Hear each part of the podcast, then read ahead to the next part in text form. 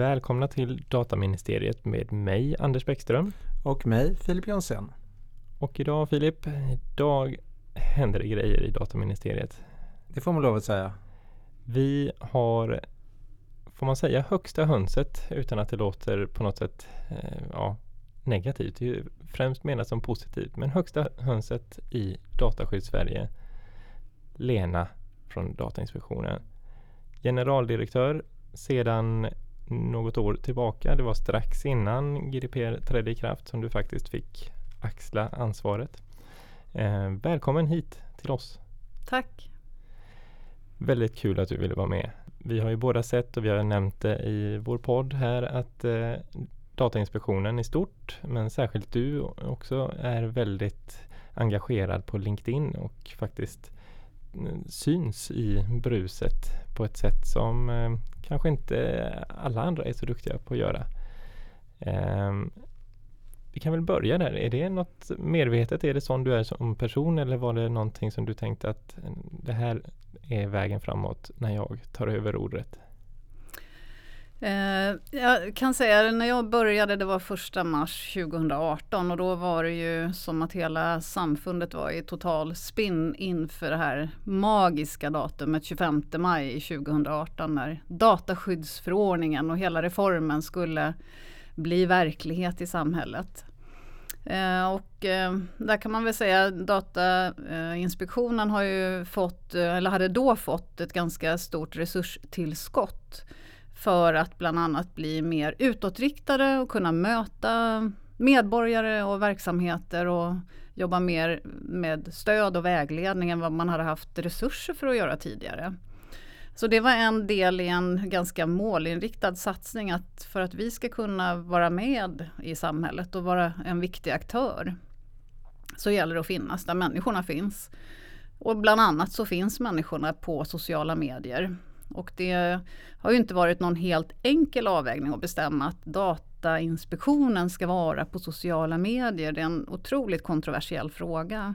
Mm. Eh, men jag gjorde då ändå bedömningen att för oss var det så viktigt i den här stora omställningen att synas och vara med i debatten och kunna berätta om vårt uppdrag men också i viss mån svara på frågor eller vägleda folk att hitta till oss. Så att eh, vi fattade det beslutet att vi ska vara på LinkedIn just nu åtminstone. Mm. Men som jag sa, det är ju en inte helt okontroversiell fråga och jag har gett myndigheten och verksamheten ett uppdrag att utreda i vilken mån ska vi vara på sociala medier och var ska vi i så fall vara och var ska vi inte vara. Mm. Var är ni mer nu? Jag har ju inte något annat än LinkedIn så jag vet inte. Uh, vi är på Twitter och på LinkedIn och har någon eller några gånger förekommit på Youtube. Ja, det har jag nog sett eh, någonting där. Någon kortare, eller det jag har sett i alla fall, så var det någon kortare introduktion i dataskyddsförordningen eller GDPR. På tal om vilket, eh, ja, hur, eh, vad kallar ni den lagstiftning som vi framförallt har att jobba med? Om man tänker EU-lagstiftningen, använder ni den engelska förkortningen eller är det DSF som vi har talas om eller är det dataskyddsförordningen? Vad brukar ni säga? Helst så skulle vi vilja använda dataskyddsreformen för hela reformpaketet mm. och dataskyddsförordningen för den förordning som finns. Eh, men det blir ganska uppenbart när man träffar allmänheten eller folk som inte är superengagerade eller involverade i de här frågorna att de har ingen aning om vad det är. Men säger du GDPR, då vet nästan alla vad man pratar om. Mm. Så att eh, vi har fått svänga lite grann från att vara väldigt rigida och använda den formellt korrekta termen dataskyddsförordningen till att också säga GDPR för att då förstår folk vad vi pratar om. Mm. Alltså man hör ju GDPR ute på gatan i affärer och allting. Hela tiden. Folk säger ja enligt GDPR, enligt GDPR, ditt och datt. Mm. Jag har hittills inte hört någon i en affär något säga ja, enligt dataskyddsförordningen så får vi inte. Nej, och jag tror att den den har blivit en implementerad och också förstådd term och det förstår mm. alla att man arbetar med. Och jag kan även se när jag pratar om Datainspektionen, vad gör vi? Ja, vi jobbar med den personliga integriteten och vi jobbar med hur man skyddar sina personuppgifter och det handlar om integritetsskydd och mänskliga rättigheter. Och då fattar folk faktiskt inte vilken myndighet man pratar om. Man säger det är vi som granskar efterlevnaden av GDPR. Mm. Jaha, är det ni? Mm. Så att eh, jag tror att vi, man får ha respekt för att det som har blivit det som folk förstår, det måste vi också förhålla oss till som myndighet. Ja, precis. Apropå det, just hur, hur går det med namnbytet på inspektionen? Eh, det var ju aktuellt åtminstone, eller på förslag. Sen kommer jag inte ihåg om det var längre gånget än så, men att ni skulle byta namn. Det har ju kommit ett förslag som har remitterats och där hade vi ju vissa synpunkter på det förslag som lämnades. Mm. Eh, och sen har det varit ganska tyst i frågan ända fram tills nu i höstas när budgetpropositionen kom. För där aviserar regeringen att det kommer att bli ett namnbyte men inte specifikt när i tiden. Så vi antar att det kommer något mer formellt besked eller beslut och mm. sannolikt någon gång under nästa år. Och då, nu har man ändå slagit fast att vi ska byta namn och att det blir Integritetsskyddsmyndigheten. Så det håller vi mm. på nu och sakteliga förbereda oss för. Vad tyckte ni om det då? Eller ni hade synpunkter på det eller åsikter i saken? Vad, vad hade ni för tankar? Ja, men vi hade en ganska stor workshop inhouse på myndigheten och kastade upp alla varianter och vad finns det för för och nackdelar med olika namn. Mm. Eh, och integritetsskydd är ju i stora delar mycket bredare och vidare än bara det uppdrag som Datainspektionen har. Eh, och eh, det finns ju en risk att människor kommer vända sig till oss med alla typer av integritetsfrågor där vi inte är rätt myndighet. Eh, integritetsskyddsmyndigheten är heller inte helt enkelt att säga. Och det, liksom, ska man säga det fort så, så kan det bli så att man snubblar lite grann på orden. Mm. Och vi har också funderat på vad kan det bli för förkortningar av det hela. Mm. ISM? Ja, kanske det. Det ligger kanske närmast i hands om man gör den liksom rationella förkortningen av hela namnet. Eh, men eh, det fanns lite andra, dataskydd tycker vi är viktigt, personuppgifter, mm. integritet, det finns många olika varianter som man kan, kan svänga sig med. Eh, men när beslutet väl är fattat då kommer vi naturligtvis omfamna det och göra vad vi kan för att göra ett så bra namnbyte som möjligt. Och det tror vi faller ganska väl ut i tiden nu för att det har skett en stor reform och Datainspektionen har funnits i 45 år och det är ny lagstiftning, det är nya förutsättningar, nya uppgifter, nya aktiviteter. Och då kan det falla ganska väl ut att vi också byter namn och lite grann bygger vårt varumärke utifrån det. Mm. Ja, det är synd att eh, Dataministeriet är upptaget. Eh, annars är det ganska bra. Ja, det är ju ett hett namn eftertraktat. Ja. Men jag tänker, ni, ert uppdrag är ju mycket vidare än, än, än dataskyddsförordningen. Ni, ni har ju he, helt annan lagstiftning, eller inte helt annan, men det är, det är ju lagstiftning kring kameror, mm. um, kreditgivning, i viss mån i alla fall. Um, och passar det in i, i det nya integritetsskydd? Ja, det kanske det gör. Vi har, vi har haft sedan tidigare uppdraget att Eh, meddela tillstånd och utöva tillsyn på kreditupplysnings och inkassoområdena. Eh, så det ligger inom ramen för vårt uppdrag så tillvida. Det vi har uppmärksammat regeringen på det är att vi tycker kanske att inkassoverksamheten är en lite udda fågel i vår verksamhet och det har vi uppmanat regeringen att se över framåt om vi ska fortsatt ha det. Eh, men till det har vi ju sen fått både tillståndsgivning och, och tillsyn över all kamera bevakning i Sverige. Och det uppdraget fick vi på hösten 2018, vilket är ett ganska omfattande uppdrag. Men det ligger ju väldigt nära integritetsfrågorna och personuppgiftsbehandling så det känns ganska naturligt att mm. vi har det uppdraget också. Mm. Vi hörde ju Torbjörn Ternsjö i förra avsnittet. Han, han förespråkar mer kameror. Att man i princip ska ha kameror överallt. Att eh, man ska alltid vara övervakad. Mm. Lite mer 1984 fast en schysst eh, storebror. Exakt. Man skulle även få full inblick i, i kameraövervakning och vad alla myndigheter gör med uppgifterna. Det var en intressant tanke. Ja, eller en skrämmande tanke. Det beror på lite grann vilket ben man vill stå på. Och där kan vi väl säga att eh, utifrån lagstiftarens perspektiv så har man ju nu med dataskyddsförordning och annat luckrat upp tillståndsplikten. Det vill säga man släpper fritt för fler verksamheter att själva göra bedömningen om man får ha kameror och hur mycket kameror och på vilket sätt man får ha dem och hur länge man får bevara uppgifter. Eh, och att Datainspektionen då har till uppgift att utöva en ganska kraftfull tillsyn istället. Och där kan man väl bara säga att vi har ju ingen åsikt politiskt i och för sig för eller emot kameror utan vi kommer ju tillämpa den lagstiftning som finns. Och i den mån det finns ett ökat tryck eller efterfrågan på att man ska ha fler kameror så är det en politisk viljeinriktning som måste ges uttryck i lagstiftningen och då kommer vi följa den. Eh, jag tror samtidigt att det är en, en missuppfattning att tänka sig att när man släpper på tillståndsplikten så är det helt fritt att ha kamerabevakning hur som helst. Utan det är upp till verksamheterna att bedöma. Har vi tillräckliga skäl för att ha kameror här? Vilka integritetsrisker innebär det? Och man får göra den här proportionalitetsavvägningen i verksamheten. Mm. Uh, och i bästa fall så kan ju vi när vi kommer ut och gör tillsyn se att man har gjort den där avvägningen på ett konkret och bra sätt. Så att vi inte ska komma ut i efterhand och liksom få en, en roll som nej-sägaren eller som den som lägger på sanktionsavgifter för att man har tillämpat lagstiftningen fel. Utan det här med kamerabevakning det innebär ju ett stort ansvar också för den som faktiskt har kamerabevakning och har möjligheter att använda den, den formen av övervakning av medborgare. Att man faktiskt tar sin uppgift på allvar och gör de överväganden som behövs göras för att göra det på ett schysst och korrekt och så, så lite integritetskränkande som möjligt. Men nu blottar jag min okunskap om, om lagstiftning kring kameraövervakning men um, finns det någon typ av anmälningsplikt för de som inte behöver ansöka om tillstånd? Ja, med den nya lagstiftningen som kom i augusti 2018 så tog man bort anmälningsplikten. Så nu finns bara antingen är du tillståndspliktig och då ska du ansöka om tillstånd eller är du det inte.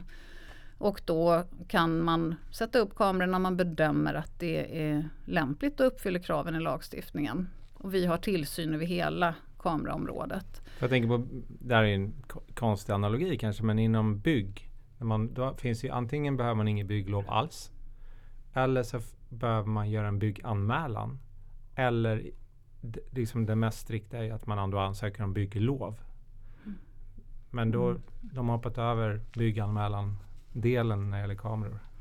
Ja, de, man hade det ju tidigare. Eh, att man var anmälningspliktig om man inte hade tillståndsplikt. Men det har man tagit bort ja. nu. Och eh, uppluckringen beror ju också på att man bedömer att man inte hade möjlighet att ha den strikta tillståndsplikten kvar längre. För att eh, lagstiftningen ser annorlunda ut. Och därför har man gjort den avvägningen i, i nuvarande lagstiftning. Och den håller ju på att ses över och man släpper ju successivt på tillståndskravet i olika verksamheter. Närmast ut är ju polisen nu som inte kommer behöva ansöka om tillstånd. Eh, jag tänkte om vi skulle spola tillbaka lite eh, och ställa en fråga som jag glömde ställa. Och det är lite mer om dig som person, Lena. Vem, vem är du egentligen och hur hamnade du på Datainspektionen? Ja, det, man kan väl säga att det har varit antingen en spikrak väg eller en ganska krokig väg. Det beror på hur man vill tolka historien. Eh, men jag är ju jurist i grunden och har jobbat inom den statliga offentliga verksamheten hela mitt yrkesverksamma liv. Och tycker att det är, är väldigt hedervärt och jag är väldigt stolt över att jobba i statsförvaltningen och tror att jag kommer också avsluta min karriär här. Eh, jag har i grunden en eh, juristutbildning och eh, har forskat och doktorerat inom processrätt tidigare. Mm. Och mitt, min stora person har varit frågor inom rättsväsendet och där har jag varit under ganska stora delar av min yrkesverksamma karriär. Eh, men jag har också alltid jobbat, jag har jobbat mycket med rättssäkerhetsfrågor kan man säga. Alltid mm. och det har varit den röda tråden eh, genom min verksamhet. Jag har jobbat på departementet en sväng och jobbade eh, med att bygga upp eh, Skolinspektionen som biträdande chefsjurist när Skolinspektionen var en nyinrättad myndighet. Eh, och tycker också att det är lika centrala frågor som, som rättsväsendet med rätten till en allmän skola för alla och med god kvalitet.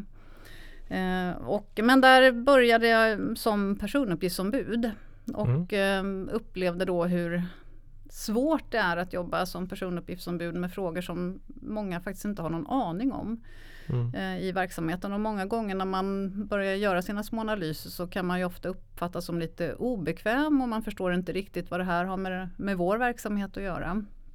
Jag har ibland mött det men till stora delar haft väldigt eh, inkluderande chefer och lyhörda chefer som har tyckt att det här är viktiga frågor. Så jag har fått ägna ganska mycket tid åt att analysera den här typen av frågor. Mm. Eh, och innan jag började på Datainspektionen så var jag några år på Ekobrottsmyndigheten. Och då började ju förberedelsetiden inför att hela den här dataskyddsreformen skulle träda i kraft. Eh, så att jag har lite praktisk erfarenhet av att faktiskt försöka jobba med förberedelserna inför dataskyddsförordningen. Och eh, just på en brottsbekämpande myndighet så har man ju förmånen att få jobba både med dataskyddsförordningen och brottsdatalagen, det som kommer från direktivet. Så där har vi, liksom, jag fick möjlighet att genomlysa alla varianter av det man då visste av den lagstiftning som skulle komma. Mm. Och det tror jag har gett mig goda förutsättningar att faktiskt förstå vilka utmaningar som finns för verksamheter att ställa om och anpassa sig till den nya dataskyddsförordningen. Och jag vet också vilka hål det finns i de frågor man har och hur lite svar det fanns på de frågor som faktiskt finns i verksamheterna. Mm. Känner du att det är mm, någonting som ni nu då kommer att fokusera på att försöka hjälpa till att täppa hålen. Så att säga att um, um, man kanske inte kan ge svar på alla frågor men att i alla fall ge tydligare eh, guidning eller vad man ska kalla det. Eh, är det något som ni kommer att fokusera på framöver? Ja, vi fokuserar på det sen åtminstone sen jag har börjat och även innan det. Eh, som jag sa inledningsvis så har ju vi fått utökade anslag bland annat för att bli mer utåtriktade och kunna ge vägledning och stöd till mm. verksamheterna där ute. Eh, och det, det, gör vi ju löpande. Vi har ju en upplysningstjänst hos oss dit allmänhet och verksamheter kan höra av sig både på mail och på telefon. Mm. Och vi svarar på i runda slängar 8000 samtal om året och vi svarar på i runda slängar 8000 e-postförfrågningar om året. Så vi har en ganska omfattande utåtriktad verksamhet där vi ger stöd och vägledning så långt vi nu kan. Och det som jag ser framför mig vi behöver utveckla det handlar ju om att kanske bli mer konkreta och göra mer handfasta ställningstaganden. Mm. För att ge liksom lite mer råg i ryggen för verksamheterna. Hur kommer vi tolka olika rättsfrågor? Mm. Eh, samtidigt så ska man ju vara medveten om att göra konkreta ställningstaganden innan man är inne i konkreta ärenden. Det är en utmaning för en verksamhet. Det är ingenting man gör lättvindigt. Eh, och jag tänker att det är liksom myndighetsutövning i sin prematura form. För ett ställningstagande som vi gör och går ut med, det kommer vi behöva tillämpa i våra ärenden och beslut som vi fattar sen. Och det är också mm. de som så småningom kommer bli prövade i domstol. Så i den mån man i förskott så att säga gör ett ställningstagande så måste vi ta ansvar för det på samma sätt som om vi är i konkret myndighetsutövning och fattar beslut. Mm. Och därför så finns det ju naturligtvis ett visst motstånd med, med, att göra för vidlyftiga uttalanden. Eller hypoteser om hur man skulle kunna tolka olika eh, paragrafer eller artiklar eller uttalanden som har kommit på olika sätt. Utan vi måste verkligen gå på djupet och känna att vi som myndighet kan stå för de ställningstaganden vi gör. Så att vi kommer gå mer åt det hållet, att försöka bli mer konkreta och handfasta. Men det kommer antagligen ta lite tid innan vi har svarat på alla frågor som finns där ute. 8000 frågor är ganska mycket. Mm, det är ju några stycken. Det är ganska mycket och utmaningen för oss är ju att gå från de här en till en lösningarna. Där en handläggare svarar på en fråga och försöka samla ihop dem och se vad kan vi göra för konkretioner av det. Hur kan vi smälta samman det där till ett ställningstagande. Mm. Antagligen om vi skulle analysera alla våra 8000 svar på ett år så skulle vi kanske kunna bena ut 100 eller 200 centrala frågor av dem. Mm. Och en del av dem skulle vi kunna göra konkreta ställningstaganden i. För att vi har lång kunskap på myndigheten, vi har väldigt djup kompetens och skulle antagligen våga dra ut hypoteserna i ett antal frågor som vi känner oss hyfsat stabila i åtminstone. Mm. Jag tycker det är väldigt intressant att du säger det för att eh, datatillsynet i Danmark la ju ut ett ställningstagande som jag inte tror att de förstod att de tog ställning i en fråga och det var ju om behandling av födelsedatum för anställda. Då de på, på LinkedIn lägger ut att det här behandlar vi med intresseavvägning. Och det kom en rad följdfrågor för att alla bara jaha, va? Hur gjorde ni den bedömningen och hur vägde ni de här olika intressena mot varandra? Den ligger fortfarande kvar på LinkedIn men det var, ju jag kan tycka att det, det var jättebra att de gör det. Det var roligt för de har ju sin den här uh, driven nu. Dels med sin podd och dels med att de lägger ut GDPR-myter. Och det här var en av då GDPR-myterna. Men det genererade väldigt mycket frågor. Mm. Ja, men jag tänker att det är precis det som är motståndet. Mm. Varför det är svårt att säga varför tar ni inte ställning i fler frågor? Och man skulle kunna tänka sig att vi skulle kunna ta ställning i många fler frågor om vi hade kapaciteten att göra liksom tillräckligt djupgående rättsliga analyser av det. Och det här med datatillsynet är ju ett jättebra exempel på när man säger någonting och kanske inte menar det där stora ställningstagandet att det här kommer gälla för alla verksamheter och vi kommer verkligen stå för det här om det blir en rättslig prövning. Man har inte tänkt så långt. Så därför är det ju verkligen att gå fram med silkesvantar. Mm. Eh, en sak du nämnde som jag tänkte på just med den här upplysningen som ni har. Eh, det var en fråga som kom upp på Nordic Privacy Arena där du också var med eh, och flera representanter från både från Datainspektionen och även andra tillsynsmyndigheter inom EU.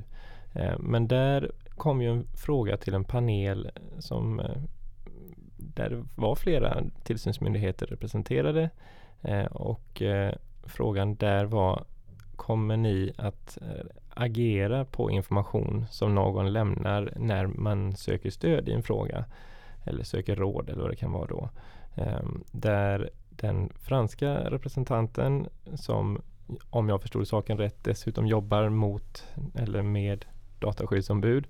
Eh, hon sa att de hade som vattentäta skott emellan där och att men, vi lämnar inte vidare det till tillsyns gänget utan det är någonting som vi på ja, DPO-sidan då försöker stötta verksamheterna i istället och hjälpa dem göra bättre. Eh, och den irländska motsvarigheten han var ju lite mer bestämd och sa att ja, men i stort sett allt ni säger kommer vi att använda mot er. Eh, och en naturlig fråga för oss då blir ju hur ser Datainspektionen på det? Riskerar man någonting om man ringer in eller mejlar in och frågar någonting? Ja, men det kan jag säga att ringer man till vår upplysningstjänst och eh, ställer frågor Även om det är så att man är dataskyddsombud och man kanske blottar att vi sitter, jag sitter här och brottas med en väldigt svår fråga och vi har inte kunnat lösa den. Hur ska jag tänka eller hur kan vi tänka?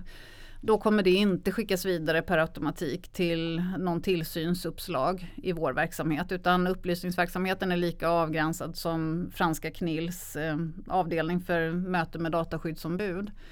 Eh, och eh, där ska man känna sig trygg. Och jag tänker att det är en liten utmaning i det att vi har ett väldigt kraftfullt repressivt verktyg i vår tillsyn. Mm. Eh, men vi vill ju också att kunna lägga örat mot marken och fånga upp vad är det som skaver där ute för att vi ska kunna satsa på att ge rätt vägledning och stöd. Mm. Eh, så att det, för oss är det ju en överlevnadsfråga att ändå ha kontakt med omvärlden och förstå vad är de stora frågorna.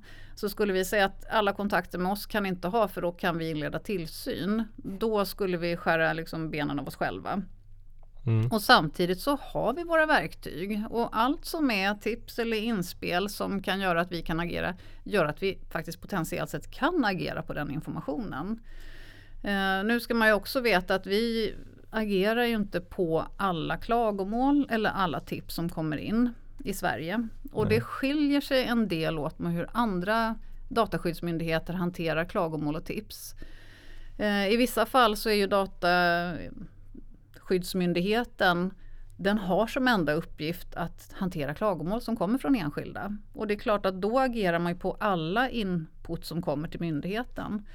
Mm. Datainspektionen har inte haft det uppdraget utan vi försöker jobba utifrån var når vi störst effekt och när använder vi rätt verktyg hos oss. Och då kan det vara mycket bättre för oss att jobba med stöd och vägledning än att jobba med tillsynsverktyget i många delar för att det ger större lärandeeffekter för flera där ute. Eh, så att vi agerar inte på alla klagomål, vi agerar inte på alla tips. Vi sållar och värderar dem utifrån risk och behov och möjliga effekter. Och mm. så långt som möjligt vill vi skapa så stort lärande för många. Vilket innebär att man kan ta ganska omfattande kontakter med oss som Datainspektion utan att det per automatik leder till att vi inleder tillsyn.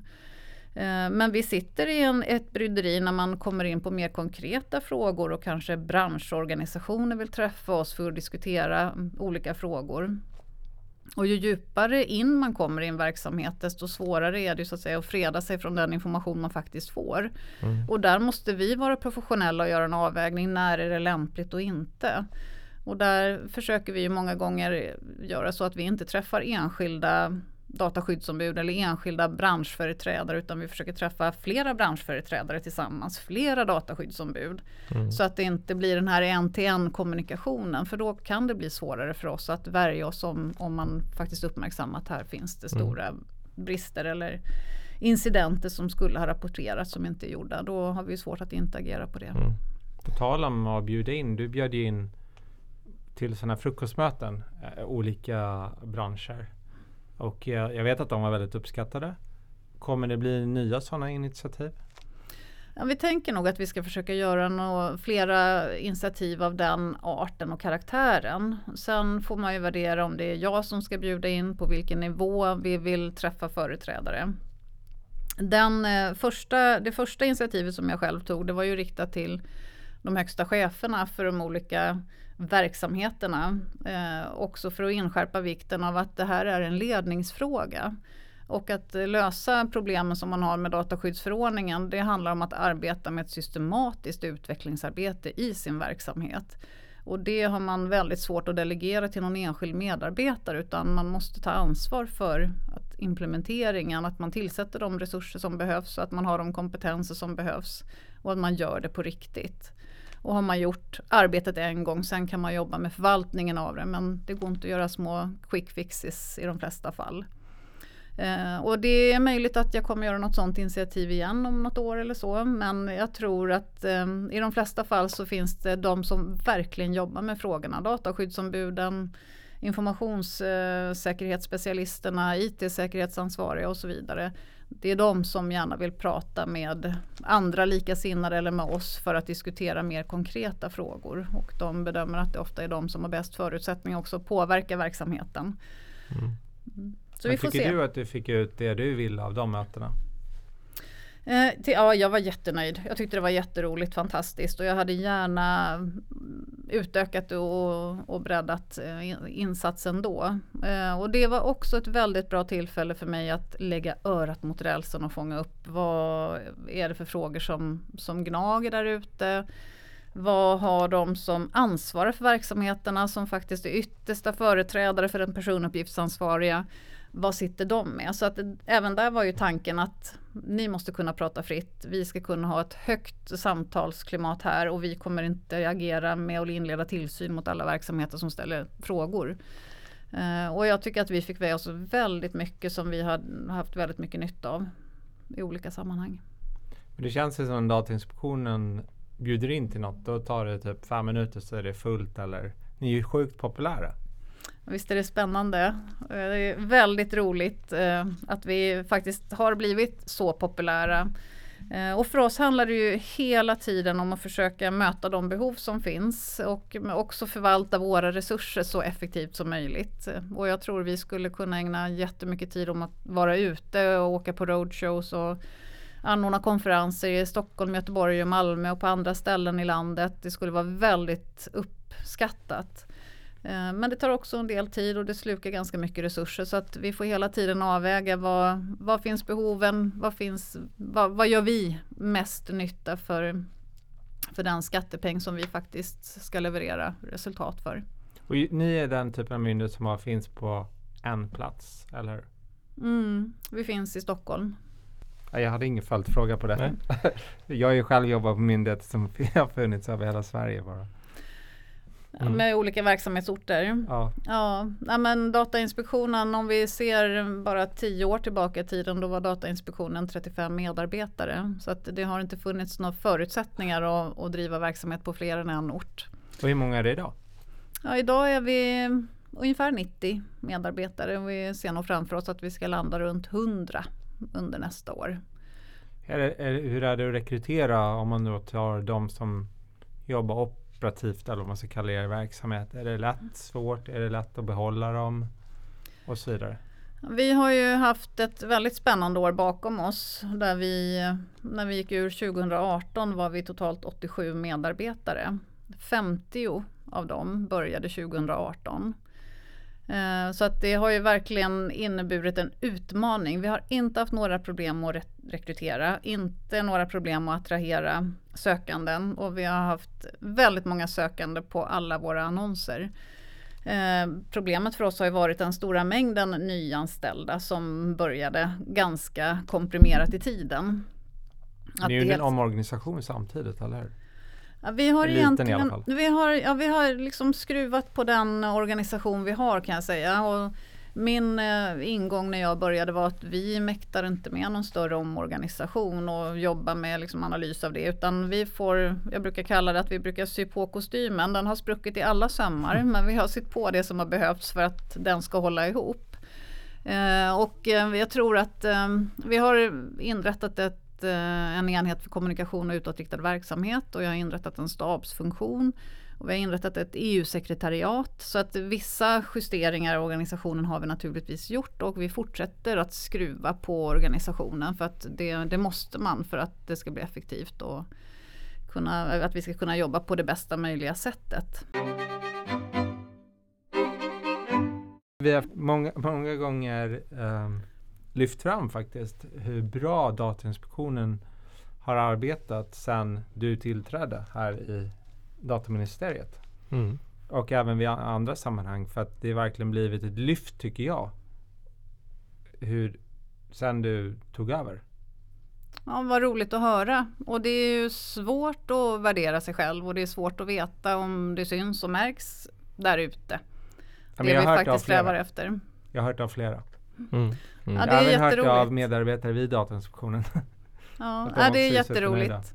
Vi, ja, vi försöker verkligen att jobba för att bli liksom en röst i samhället och också ett smörjmedel för verksamheterna och eh, kända för medborgarna. Och det kommer ju ta lång tid innan man kan ändra hur man har blivit betraktad eller de förutsättningar vi har. Men vi jobbar medvetet och strukturerat och, och väldigt målmedvetet för att faktiskt bli en röst i samhället. Och man ska ändå veta vad Datainspektionen gör och man ska, ska känna trygghet och tillit till vad vi kan göra och vad vi kan åstadkomma. Och för mm. mig har det varit väldigt viktigt också att säga att vi har ju fått skarpa verktyg nu med eh, våra sanktionsavgifter. Men vi vill inte, eller jag vill inte att vi ska vara en myndighet som bara jobbar repressivt och som man ska vara livrädd för och som skrämmer ihjäl människor. Utan vi vill ju känna som att när vi gör tillsyn ska man förstå varför. Och man ska liksom kunna räkna med att men det här har vi ju räknat med att det här kan hända för vi har inte gjort det jobb vi borde göra. Eh, att ingen ska behöva bli förvånad utan vi ska vara tydliga med vad är det vi prioriterar för typ av frågor, vad är det för frågor vi vill analysera. När vi gör tillsyn så gör vi det för att skapa efterlevnad av reglerna såklart men också ett lärande för många. Vi försöker hitta olika typer av branscher, olika typer av verksamheter, statlig, privat verksamhet. Olika frågor som behöver lösas. För det är ju först när vi har de här ärendena där vi fattar beslut som vi faktiskt gör konkreta ställningstaganden.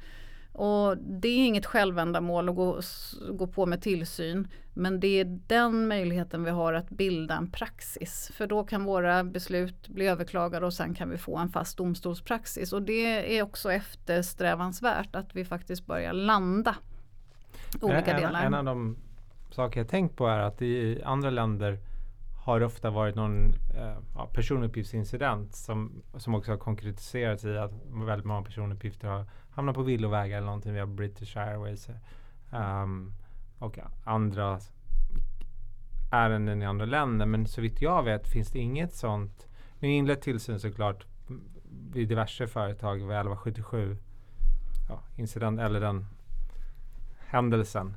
Uh, men jag har inte sett någon annan att, att man aviserat att man ska smälla till eh, på just en incident. När det ändå strömmat in, jag kommer inte ihåg hur många men det är flera tusen incidenter, rapporter väl?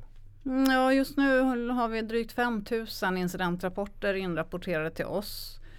Eh, och vi har nog inlett tillsyn i några fler fall som är grundade på en incident. Och även där så gör ju vi en bedömning. Vi bedömer ju alla incidenter som kommer in. Och där ska man ju veta om att verksamheterna när de rapporterar incidenter rapporterar ju också vilka åtgärder man vidtagit för att lindra effekten och skadan av den här incidenten. Och i många fall så har man ju redan efter en kort tid hanterat den eventuella risken eller skadan för enskilda. Eh, så att då finns det inte så stor anledning för oss att gå vidare. Men naturligtvis så finns det ju ett antal ärenden bland de här som vi ser är allvarliga och där vi bör inleda tillsyn. Och i en del av de fallen har vi gjort det och andra ligger på vänt. Men vi ser ju också att personuppgiftsincidenterna liksom frågor som kommer in och klagomål som kommer in, de ger oss också en indikation på var finns det generellt sett stora brister? Finns det särskilda branscher som vi kanske borde pinpointa lite mer? Eller finns det vissa typer av brister som är mer vanligt förekommande där vi faktiskt måste titta? Är det väldigt mycket säkerhetsbrister, ja då kanske vi borde titta på säkerheten brett i tillsyner. Är det som vi nu ser ofta den mänskliga faktorn om man sätter inom citationstecken att det är felskickade brev eller icke efterlevnad av faktiskt rutiner som finns inom verksamheten. Ja, då, då är det liksom en annan fråga och då kan vi titta på, ja, men behöver man ge mer kunskapsunderlag? Behöver vi satsa på utbildning? Behöver vi skicka ut vägledningar eller vad är det som saknas?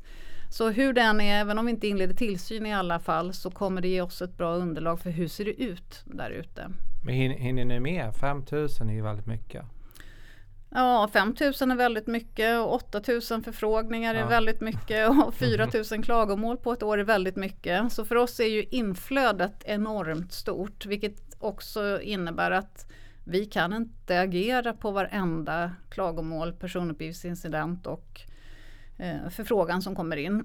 Vi försöker svara och liksom förvalta det och göra det bästa vi kan av det och vi försöker hela tiden tänka hur kan vi med vår begränsade resurs agera så smart och effektivt som möjligt för att nå så stora effekter på integritetsskyddet som möjligt. Och ibland är det att klappa till stort och gå in med en skarp tillsyn och ibland är det andra aktiviteter och då blir mm. hela inflödet en bottenplatta för oss för att värdera var behövs det stöd och vägledning. När, om du tittar tillbaka på när du tillträdde då eh, under våren 2018 och de kommande månaderna reflekterar eller funderar någon gång på, undrar hur mycket um, frågor det kommer komma, hur mycket klagomål och hur väl stämmer det med verkligheten? Ja, alltså under 2018 var det väldigt svårt att dra några slutsatser. För skulle vi dra ut eh, linjen av hur det hade sett ut 17 jämfört med 18 jämfört med 16 och då skulle vi ha en enorm ökning som vi inte skulle kunna hantera överhuvudtaget. Eh, och jag tror att eh, 2018 var en all time high. Då hade vi 25 000 ärenden hos oss på 87 medarbetare. Det är enormt mycket ärenden. Och vi har effektiva metoder nu för att titta igenom alla ärenden som kommer in. Vi har system för det så att vi gör ett enormt arbete med att hantera alla dessa ärenden som kommer in till myndigheten. Och sen handlar det ju för oss nu också om att lägga så lite tid som möjligt på det för att sen se, vi behöver satsa resurserna på webbtexter eller information på vår webb eller utbildningar eller en roadshow som vi behöver göra eller på tillsyn. Och då mm. behöver vi ju säkerställa att vi har resurser att göra tillsyn också i tillräckligt stor utsträckning. Hur blev det med jag vill minnas att det var diskussioner om just incidentrapportering webbaserat. Det är på gång. Eh, vi håller ju på med en digitaliseringsresa som handlar om att vi ska kunna ha, anmäla personuppgiftsincidenter, klagomål och andra saker digitalt. Och det är på gång så att vi hoppas under året kunna sjösätta vår digitala anmälningsblankett för personuppgiftsincidenter. Och att i bästa fall under nästa år också kunna ha en för klagomål på plats. Och sen kommer vi jobba med den ökade hanteringen digitalt internt. Jag tror när man pratar om incidenter, i alla fall när jag pratar med människor som jobbar med dataskydd, är det en av de absolut svåraste, de här bedömningarna man, man gör, eller även när man gör en eh, konsekvensanalys. Där tror jag det finns ett behov av mer vägledning för hur ska man tänka och kanske komma ut med ännu så mer konkreta. Vi har sett vissa andra länder har ju, har ju faktiskt en del myndigheter gjort mer eller mindre DPI eller intresseorganisationer också. Typ kring Office 365 och, och sådär. Jag tror det finns ett jätte, jättestort behov av att um, få vägledning. För att annars är det nog en risk att, att alla hamnar helt olika, gör helt olika bedömningar. Mm. För om man tittar i, i, i själva uh, texten, inklusive då uh, recitals, så det finns ju inte jättemycket att ta på. Vi, det finns ju tyvärr inte de här gedigna förarbetena mm. som i Sverige. Man längtar ju tillbaka till proppar och SOUer. Ja, jag håller med dig. Det, den här lagstiftningstekniken som vi nu har inom EU, den är ju väldigt annorlunda jämfört med vad vi är vana vid. Så att det där gedigna undersöknings och förberedelsearbetet finns ju inte riktigt. Eh, och där ökar ju kraven på oss naturligtvis att försöka uttolka och komma med så konkret vägledning som möjligt. Eh, och jag tar med mig det helt enkelt. Men vi har också när vi har lyssnat in verksamheterna där förstått att just riskbedömningar och konsekvensbedömningar att det är en av de svåra utmaningarna för att det, det är väldigt svårt att värdera. Och det finns ju också en oro att gör vi fel, vad händer då? Om vi hamnar i en tillsynssituation, hur mycket kommer det kosta om vi nu ska få sanktionsavgifter?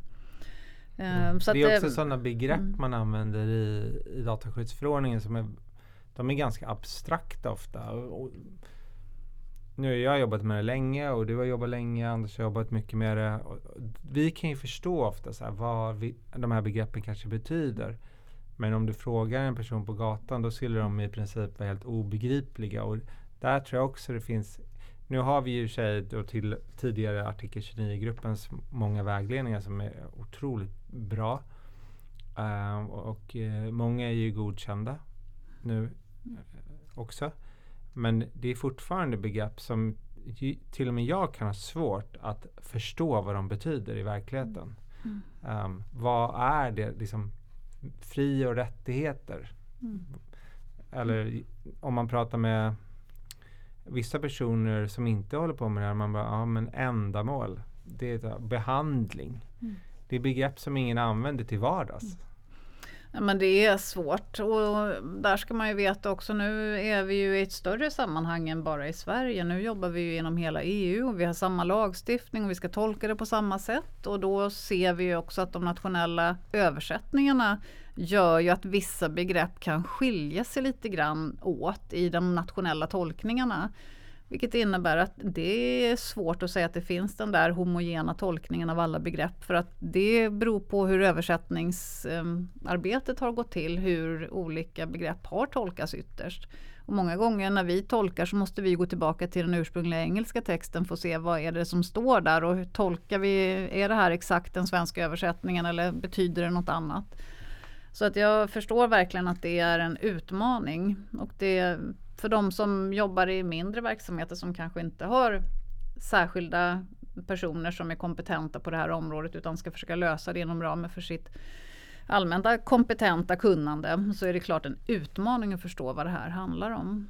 Ja det kan man väl säga. Eh, jag vet, eller jag har för mig det här när jag var på en utbildning just med Datainspektionen eh, att eh, även ni då nämnde artikel 5 där det i den svenska översättningen är en, lite, ja, men det är en liten lustig översättning av eh, fairness.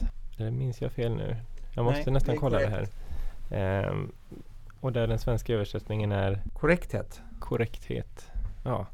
Eh, Det har jag ju djuplodat i väldigt mycket. ja, vi behöver inte gå in på det igen så, men, Men jag det tänkte om det var sådana eller den typen av eh, Ja, det är ju, helt enkelt det kan ju vara bara enstaka ord i en ganska lång förordningstext. Men är det någonting som ni har ni utrett eller funderat vidare just på eh, korrekthet eh, kontra fairness eller eh, har ni lyssnat på Philips forskning i saken?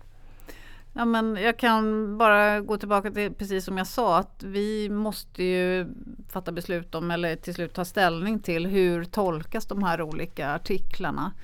Och just den här eh, komplexiteten med artikel 5 den är ju väldigt grundläggande eftersom artikel 5 är liksom en väldigt, det är en preambel, det är en inledande bestämmelse som tar egentligen omfång kring hela kommande dataskyddsförordningen, alla artiklar. De kan nästan härledas till artikel 5 för där står de grundläggande principerna.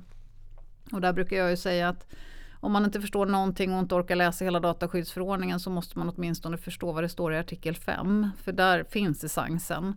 Och har man då olika tolkningar av vad det, de där begreppen betyder, ja då blir det ju problematiskt naturligtvis. Och vi har också sett att det finns olika tolkningar och jag har ändå landat i när vi beskriver saker så måste vi använda den svenska tolkningsexemplet som utgångspunkt för annars blir det ännu besvärligare för folk att förstå vad vi pratar om. Mm. Men jag tänkte på det, just det arbetet som både ni och andra tillsynsmyndigheter har nu framför er där vi ehm, om man då tänker på vår svenska va vana att ha gedigna förarbeten och så vidare. Upplever ni det som att, att avsaknaden av förarbeten ger er större möjlighet att faktiskt vara på, mer och påverka riktningen även i EU-samarbetet? Eh, ja, det är ju där vi är nu. Att eh, ingen nation har sin traditionella lagstiftningsprodukt utan nu har vi en EU-förordning som alla måste förhålla sig till. Och utgångspunkten nu är att vi ska ha ett ganska nära samarbete inom EU för att harmonisera våra tolkningar. Eh, och det pågår ju med full fart. Eh, så att där jobbar vi ju väldigt mycket tillsammans med de andra dataskyddsmyndigheterna för att just harmonisera hur vi tolkar och tillämpar lagstiftningen.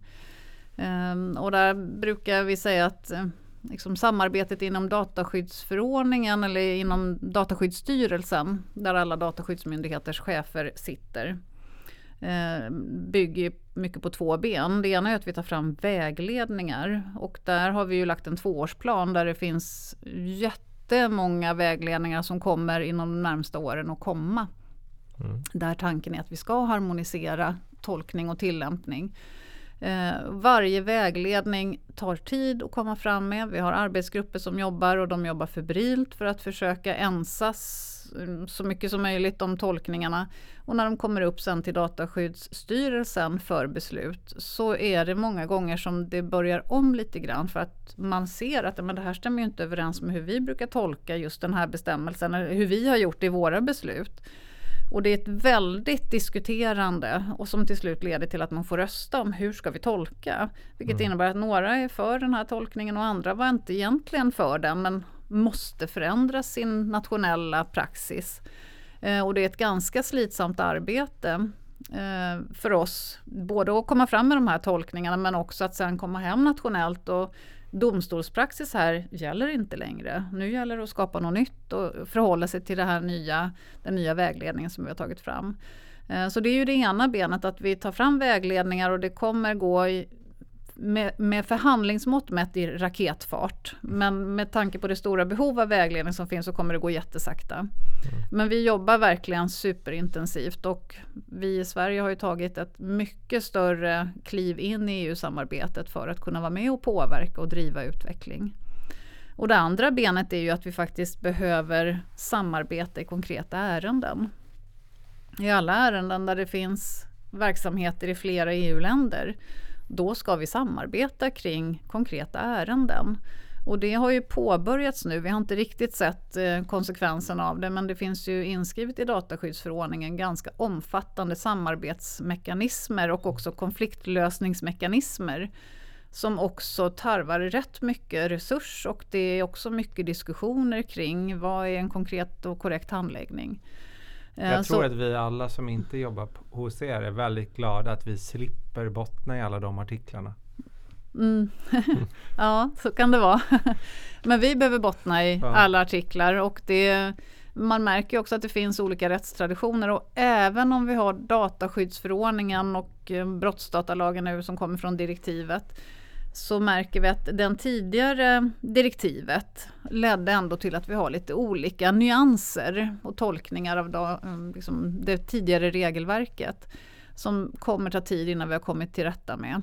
Men även om vi nu har ett gemensamt regelverk så har vi olika förvaltningsrättsliga traditioner, vilket innebär att man löser ärenden, hanterar ärenden på olika sätt. Man har olika normer för hur man ska kommunicera inför beslut, vilka möjligheter en myndighet har att komma till uppgörelser och förlikningar under hand på ett sätt som gör att även om vi har ett gemensamt regelverk och på sikt kommer ha försökt göra gemensamma tolkningar så långt som möjligt så kommer hanteringen av ärendena i enskilda medlemsstater fortfarande skiljas åt under väldigt lång tid framåt.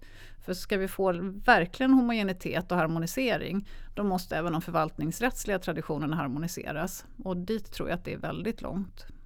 Men nu måste jag dra den här äh, superintressant måste jag säga nu. För det här är verkligen superintressant. Om det är så om en vägledning kommer om ganska lång tid så hinner ju alla myndigheter, inte alla, men fler myndigheter fatta beslut längs vägen. Och sen om man då röstar så kan ju den här vägledningen gå emot ett tidigare fattat beslut. Och det blir ju en väldigt intressant fråga. Vad, vad gäller då för det gamla beslutet? Om överklagandetiden har gått ut till exempel. Ja, men i slutändan blir det ju alltid um, EU-domstolen som, som får uh, säga bu eller bä. Men i det fallet så är det ju för sent. Ja, i det enskilda fallet så kommer det vara för sent. Och det är ju, det är ju hela tiden en utmaning. Eh, och jag tänker ändå att en vägledning från EDPB kommer ju alltid bara vara en vägledning. Och nationell domstols beslut kommer alltid gälla. Men nästa nationella domstol måste ju förhålla sig till den vägledningen som har kommit sedan det senaste beslutet fattades. Så att det kommer ju ske en gradvis utveckling och en harmonisering i förhållande till de vägledningar som kommer. Men jag håller med dig att i den bästa världen så hade ju alla vägledningar funnits på plats när dataskyddsförordningen började tillämpas. Eh, men så kommer inte verkligheten se ut och det är ju såklart att eh, i den mån Dataskyddsmyndigheten nu fattar beslut och också lägger på administrativa sanktionsavgifter så kommer det ju vara verksamhet som tycker att det känns konstigt om den tolkningen som det landets dataskyddsmyndigheter gjorde inte stämmer överens med den vägledning som sen kommer. Så det kommer vi säkert se ett antal exempel på att det där blir problematiskt. Men det tror jag, jag minns inte vilken dataskyddsmyndighet, det kan ha varit Knill eller någon annan, som gick ut och sa att vi är autonoma, vi, vi bestämmer i slutändan i Frankrike, om det var i Frankrike, att man är inte bunden av beslut av andra myndigheter, eh, alltså andra dataskyddsmyndigheter i andra jurisdiktioner. Alltså inte sådana case som är cross-border och så vidare, utan enskilda typ svenska ärenden här, ni fattar ett beslut. Då säger Knill nej, vi kan göra en annan bedömning. Ja, alltså rent rättsligt så kan ju ingen säga emot det och en vägledning är alltid en vägledning. Det är inget bindande rättsligt dokument. Ja, det men, menar jag om det, om det inte ens finns en vägledning. Nej. Det är lik, inte samma då, men liknande case så, så är varje myndighet själv den som bestämmer ut, utfallet mm. och tolkningen. Ja, men så är det ju. Liksom, ingen kan ju, jag är autonom i mitt beslutsfattande och jag är oberoende i relation till allt annat. Men det blir ju en olycklig slutsats om Dataskyddsmyndigheterna tolkar samma regelverk olika och kommer till olika slutsatser. Så hur det än är i slutändan så kommer vi behöva samordna oss och harmonisera oss så långt det bara är möjligt. Och det är ju en rättssäkerhetsfråga för dem vi faktiskt fattar beslut om. Mm. Att man på något sätt kan ha en förutsebarhet. Vad kommer en granskning kunna mynna ut i. Och den, eftersom vi nu har ett gemensamt regelverk inom hela EU så, så borde en rimlig förväntan kunna vara att man faktiskt ska kunna läsa hur har man tolkat det här i andra länder. Då borde ju den svenska dataskyddsmyndigheten tolka det på samma sätt. Så att jag, man är autonom i sitt beslutsfattande, absolut. Men utgångspunkten måste vara att vi på sikt måste harmonisera oss och också ta intryck av att, vad som har kommit ut från andra dataskyddsmyndigheter. Och då är min en följdfråga. Jag har funderat väldigt, väldigt mycket på allt kring dataskydd och även varför vi har det och hur det har historiskt har kommit. Och vi har ju väldigt olika historia i, inom Europa och inom EU där vill, ganska många länder har långt in på 1900-talet och till och med 2000-talet haft diktaturer eller andra typer av um, ganska förtryckande regimer. Och hur man ska harmonisera med så olika historia. Hur ser du på det? För det kommer ju vi kanske har en privat sfär som är större eller mindre än ett annat land och så vidare. Mm.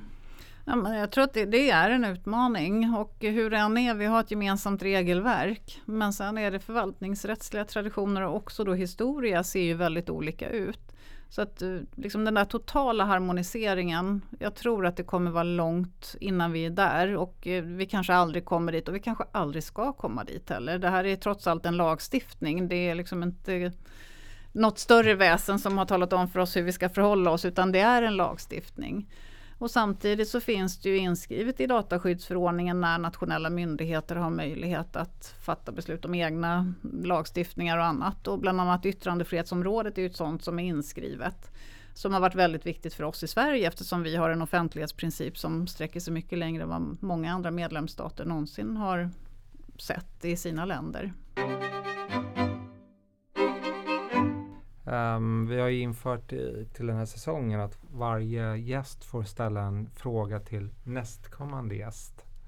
Och eh, då professor emeritus Torbjörn Ternsjö har ställt den här frågan till dig.